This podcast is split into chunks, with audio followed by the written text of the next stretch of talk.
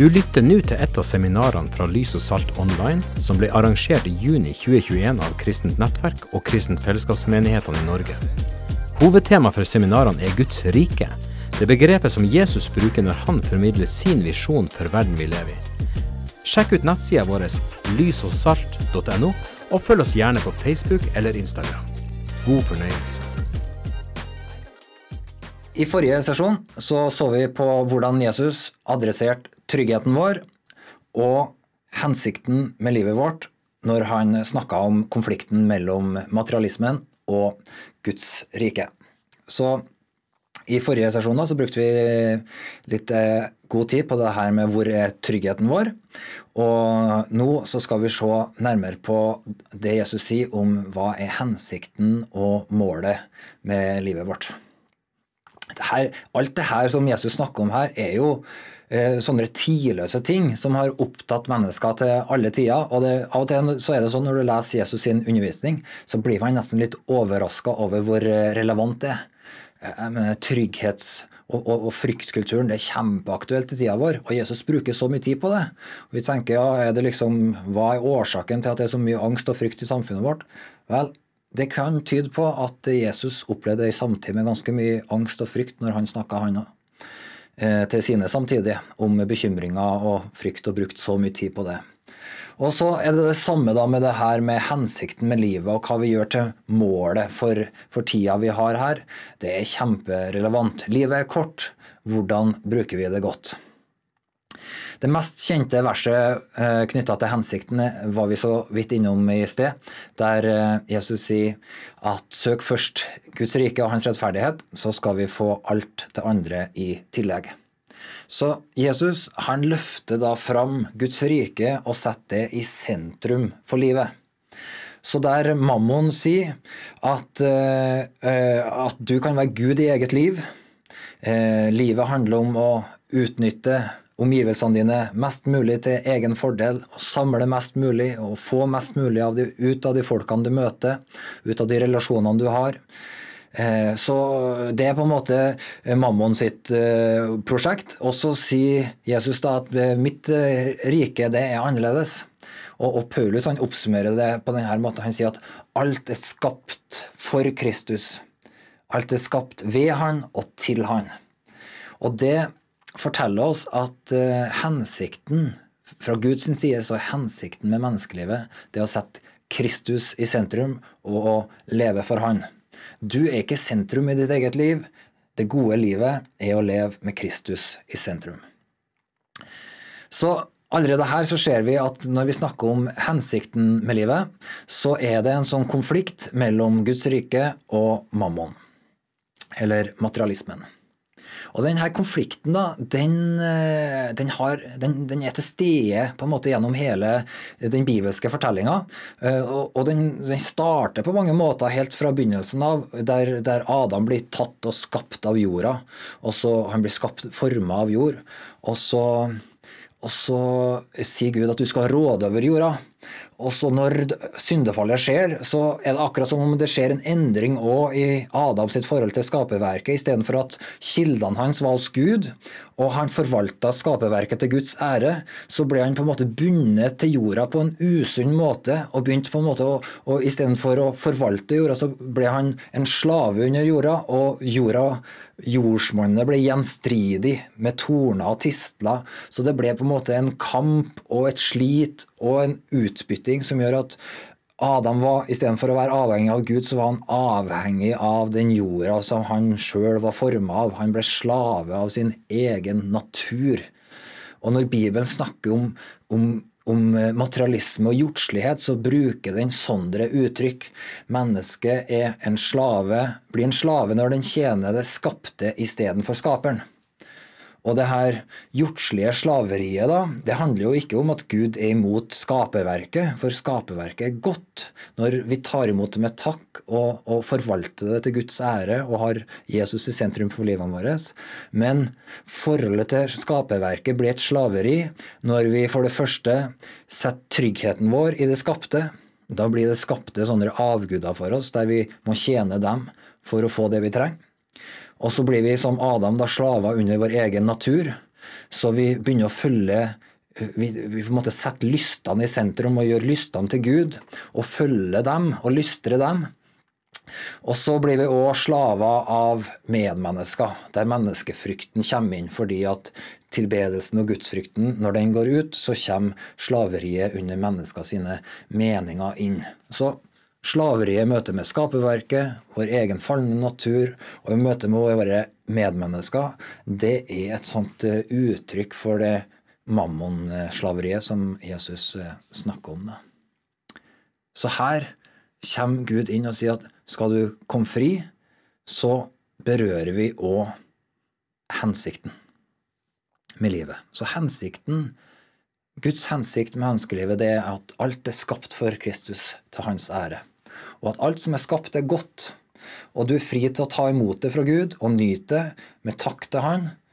Men du har aldri vært meninga at du skal være en slave under lystene dine, under skaperverket eller under andre mennesker. Du skal helt og holdent være et Guds menneske. Vi lever i ei tid som er veldig gjennomsyra av en sånn materialistisk eh, ånd. Vi ser det bl.a. på hvem som er helter i tida vår.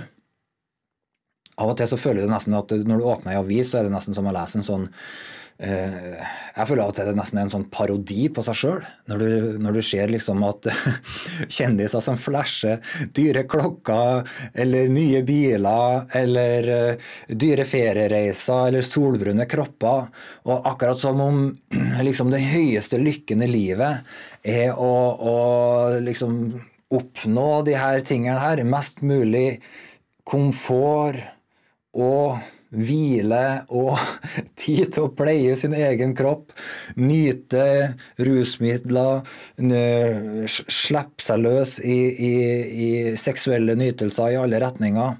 Men Bibelen sier nei, nei, nei. Denne måten å leve på der, der lystene blir en gud, det er et slaveri. Det ødelegger deg, og det setter andre ting under press. Når mammon kommer i førersetet og blir hensikten med livet, så kjører det verdiene våre under press. Da får vi en det dilemmaet som Gud ikke ønsker at vi skal ha. F.eks.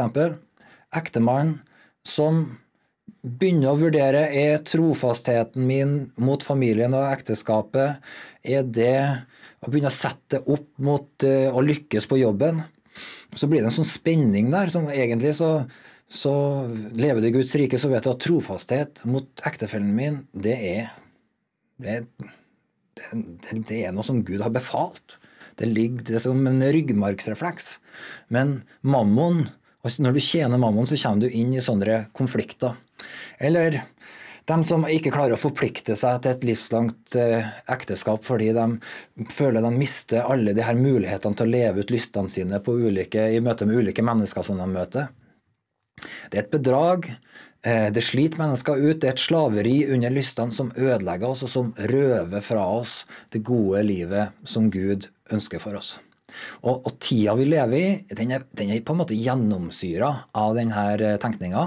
Og det er veldig fort gjort at vi blir på en måte tilpasser oss uten at vi tenker noe særlig om det.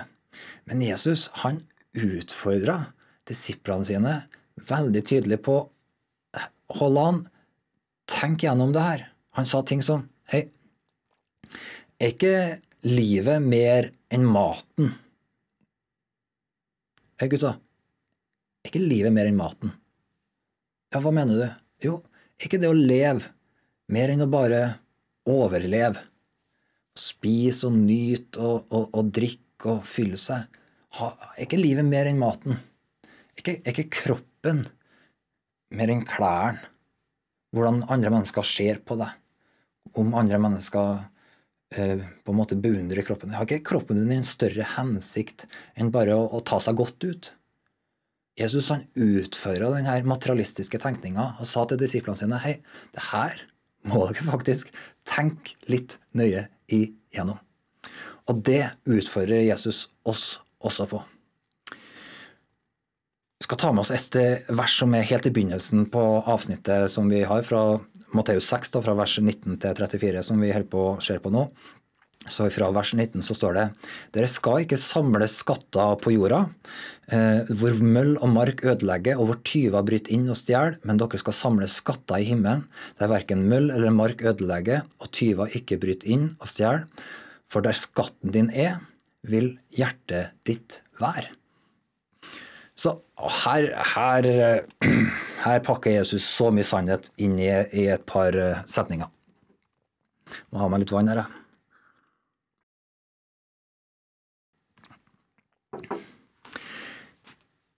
For det første, så, Det er mange ting vi bare må legge merke til her. Det, det første er at eh, han snakker, om, han snakker om en skatt på jorda, eller en skatt i himmelen. Og Han snakker om en skatt som forgår, og så snakker han om en, en skatt som varer. Så akkurat som om han utfordrer oss da på å ikke bare være opptatt av eh, Eller å forstå hva er det som er viktig på lang sikt. Ikke lev kortsiktig. Når du tenker gjennom hensikten med livet ditt, lev lurt på lang sikt. Og her, eh, her bruker da Jesus det som å samle en skatt i himmelen. Han bruker det som et sånt eh, uttrykk.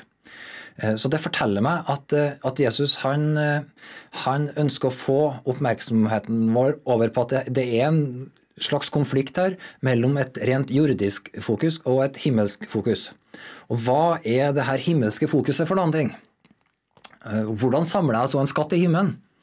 Og da, da, kan det være nyttig å gå litt tilbake da, før det her vers 19 i kapittel 6. For i avsnittene før så snakker Jesus om de her tingene som gir lønn hos vår himmelske Far. Så han sier når du er barmhjertig mot mennesker og, og, gjør godt mot de fattige, så ikke gjør det for å vise deg for mennesker, for da får du ingen lønn hos din himmelske Far. Og når du ber i bønnelivet ditt, så ikke be lange bønner for at mennesker skal synes du er flink til å be, og liksom gi deg religiøse poeng i, og, og Mozart-kula, liksom.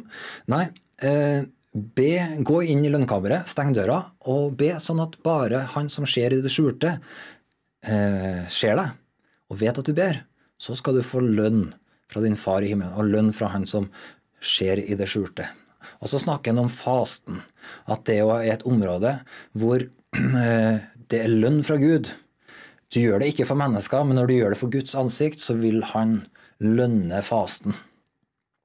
Så Jesus han kunne sikkert brodert ut det her mer, men han snakka altså om områder av livet der vi trener oss på å leve for Guds ansikt, og ikke for mennesker.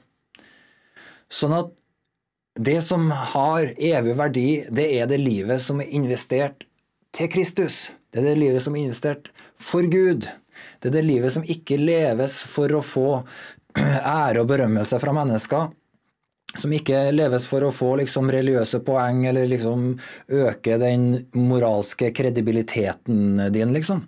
Men det handler om at du vet at livet ditt handler om å tjene Gud, og du trener motivene dine og hjertet ditt i å ha et rett fokus når du gjør ting for Gud som ingen mennesker vet om. Så her gir Jesus oss en sånn hemmelighet i hvordan vi kan få trent oss i å ha et rett fokus for livet vårt. Lev på en sånn måte at du gjør Guds vilje sjøl når mennesker ikke ser deg. Legg deg på vaner av å velsigne folk, kanskje uten at de vet at det er du som velsigner dem. Eller å ta deg av, gå inn i situasjoner som bare krever sin mann eller sin kvinne, uten at det er noe gevinst i det for deg sjøl men gjør det som en gudstjeneste for Herren. Og tren opp hjertet ditt til å være et sånt hjerte som lever for Herren, og ikke for menneskene. Det gjør noe med fokuset og hensikten med livet ditt. Og så er jo det her undervisninga om skatten på mange måter spørsmålet, kronspørsmålet Jesus stiller oss, det er hva er det som styrer livet ditt, og som skal stå igjen når alt skal oppsummeres? Skatten er på mange måter arven av det livet du har levd, som gis videre. Har du en skatt på jorda som ruster, eller har du investert livet ditt i en skatt i himmelen som aldri forgår? Og for et, tre år siden så var jeg på besøk hjemme hos en eh, i, I England så var jeg på besøk hjemme hos en mann som heter Tony Ling. Som var en mann som hadde, eh, som kanskje flere av dere som hører dette seminaret, kjenner til han. Men for dere som ikke kjenner han, så var han en, en gudsmann, en profet som forkynte Guds ord. Og som hadde en, en tjeneste i jordet som gikk langt utover England. Eh, men til India og Norge, Canada, andre nasjoner rundt omkring. Men da jeg var på besøk hjemme hos han her mannen, eh, så Tonje Ling, da, så kom jeg inn i et veldig enkelt hjem. Jeg Kunne tenkt deg at en mann som har hatt en tjeneste eh, i flere internasjonale tjenester, at han eh, hadde litt å rutte med, men det var ikke sånn. Det var nøkternhet, det var enkelt. Maten var god, men det var enkelt. Huset var godt å bo i, men det var en enkel standard. Og så gikk det et par år etter at jeg var på tre år, ja, par år etter jeg var på besøk der, i fjor, på denne tida, så henta Jesus denne trofaste tjeneren hjem til seg. Han, han, eh, døde og gikk hjem til Jesus. Det som slo meg i de dagene etterpå, det var jo mens eh, koronapandemien eh, var slått til for fullt at han gikk bort, så begynte takkehilsningene og strømme inn på, på, i sosiale medier over livet hans. Og så bare plutselig så ble det så klart for meg for en utrolig rik arv den mannen hadde lagt igjen. Det var vitnesbyrd fra, fra Canada og USA og mennesker som sa at denne evangeliet fra denne mannen forandra livet mitt. Det var vitnesbyrd fra tusener på tusener i India som har fått sett Guds rike gjennom eh, denne mannens mannen sin tjeneste og fått bygd ekteskapene sine, fått fornya eh, framtidshåpet sitt. Det var vitnesbyrd fra Norge om folk som har forstått Guds plan og kommet ut av sine små liv. Så tenkte jeg, kjære Jesus, for en arv denne mannen har etterlatt seg. Det huset han bodde i, det var ikke en sånn store greier. Men arven, skatten i himmelen, og den arven som han har etterlatt seg i én og to og tre generasjoner, en arv som var rik nok til å velsigne mennesker i flere verdensdeler. Snakk om å ha levd rikt. Og Guds rike det kommer til oss og utfordrer oss på hva skal stå igjen etter livet ditt? Hva, hva, hva, er det du, hva er hensikten du lever for? Hva slags arv ønsker du å legge igjen etter deg? Og det er en sånn utfordring som jeg vil eh, gi til deg som eh, hører eller ser på dette seminaret òg. Ta deg tida til å snakke med Jesus om de her store spørsmålene i livet. Hva skal være arven? Hva skal være arven etter livet ditt i 20-årene, i 30-årene, i 40-årene, i 50-årene, i 60-årene, inn i pensjonisttida, tilværelsen din? Hva skal være arven etter de ulike fasene i livet ditt? Hva skal være arven som folk står på i, i avskjedsfesten din, i begravelsen din, som noen nå kaller det, da, og si arven etter denne kvinna eller denne mannen, det var de berørte livet mitt sånn og sånn. La oss være mennesker som investerer i skatten i himmelen, så vi kan legge igjen en arv som virkelig teller etter oss eh, når vi forlater åstedet. Vær velsigna.